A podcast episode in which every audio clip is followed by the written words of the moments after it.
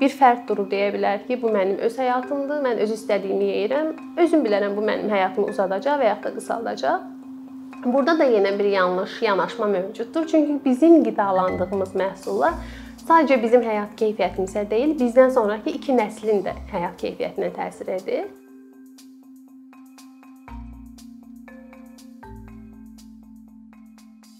Qidalanma bu qədər bəsit bir şey e, nə dərəcədə əhəmiyyətli ola bilər ki?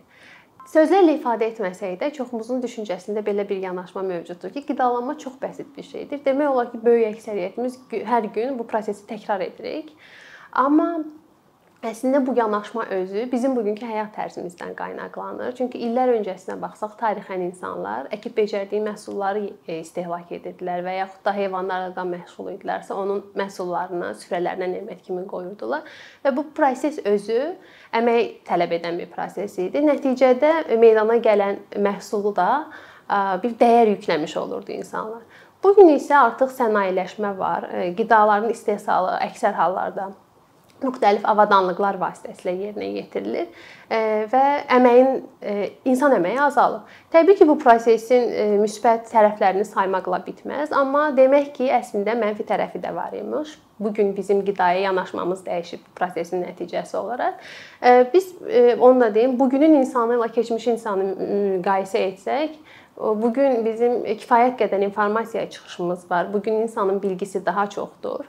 Amma e, bu həm informasiya bolluğu, həm ərzaq çeşidliliyi baxımından bolluq arasında biz mənəvi aclıq yaşayırıq deyərdim.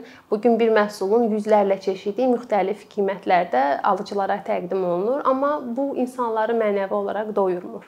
Yəni biz bu gün süfrəmizə qoyduğumuz qidaya bir gözlənti kimi baxmırıq, sadəcə müəyyən müddətlik toxluq hissi almaq üçün istehlak edirik onu.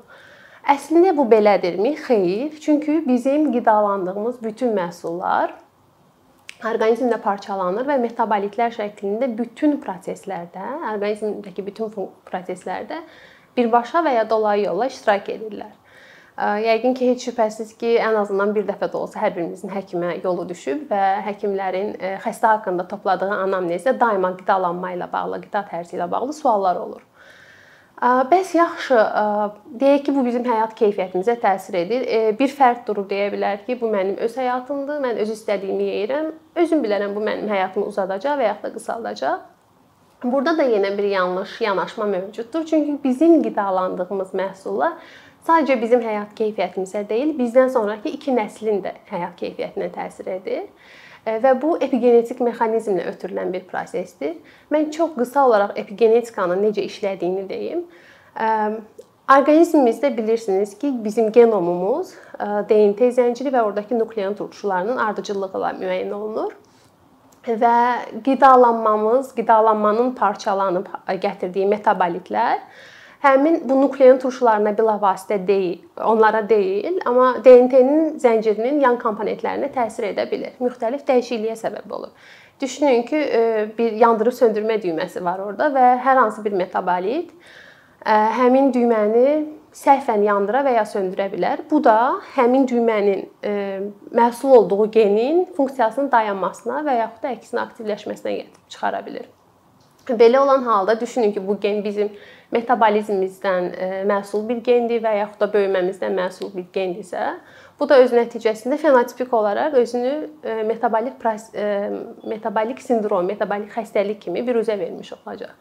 Və bu kompleks, dəyişmiş kompleks növbəti nəslə ötürüləcək. Onda da müəyyən dəyişikliklər gedərək növbəti nəslə ötürüləcək və belə davam edəcək.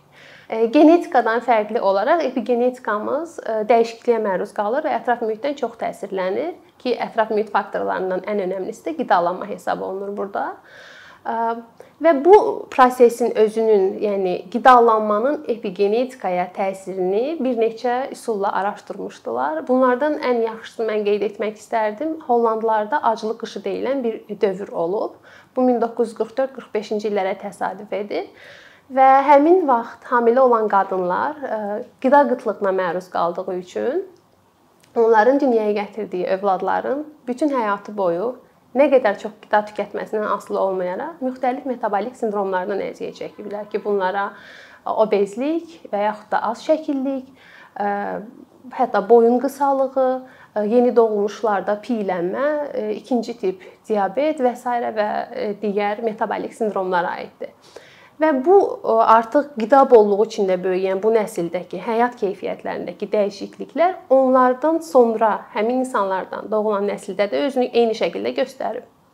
Yəni burdan belə e, nəticəyə gələ bilirik ki, epigenetik təsirin ən az 2 nəsil boyunca davam etdiyi elmi olaraq sübuta yetirilmiş bir haldır. Bənzər hadisə Çində 1959-1961-ci illər arasında yenə bənzər hadisə müşahidə edilir və bu dövrdə də Çində insanların məruz qaldığı qıtlıq, xüsusən hamilə qadınların dünyaya gətirdiyi uşaqlarda özünü bənzər şəkildə metabolik sindromlarla biruzə verib və bütün bunlarda belə deyək, bu bətn daxilində aclığa məruz qalan insanlar normal qidalanma keçirən insanlarla e, müqayisəli şəkildə öyrənilir. Həm e, Holland, həm Çin misalında. Hətta Çində maraqlı bir hadisə olub. İkinci nəsildə normal insanlarla, yəni e, normal qidalanmaya məruz qalan insanların ikinci nəsillə müqayisədə şizofreniya hallarının da çox olduğu görülüb.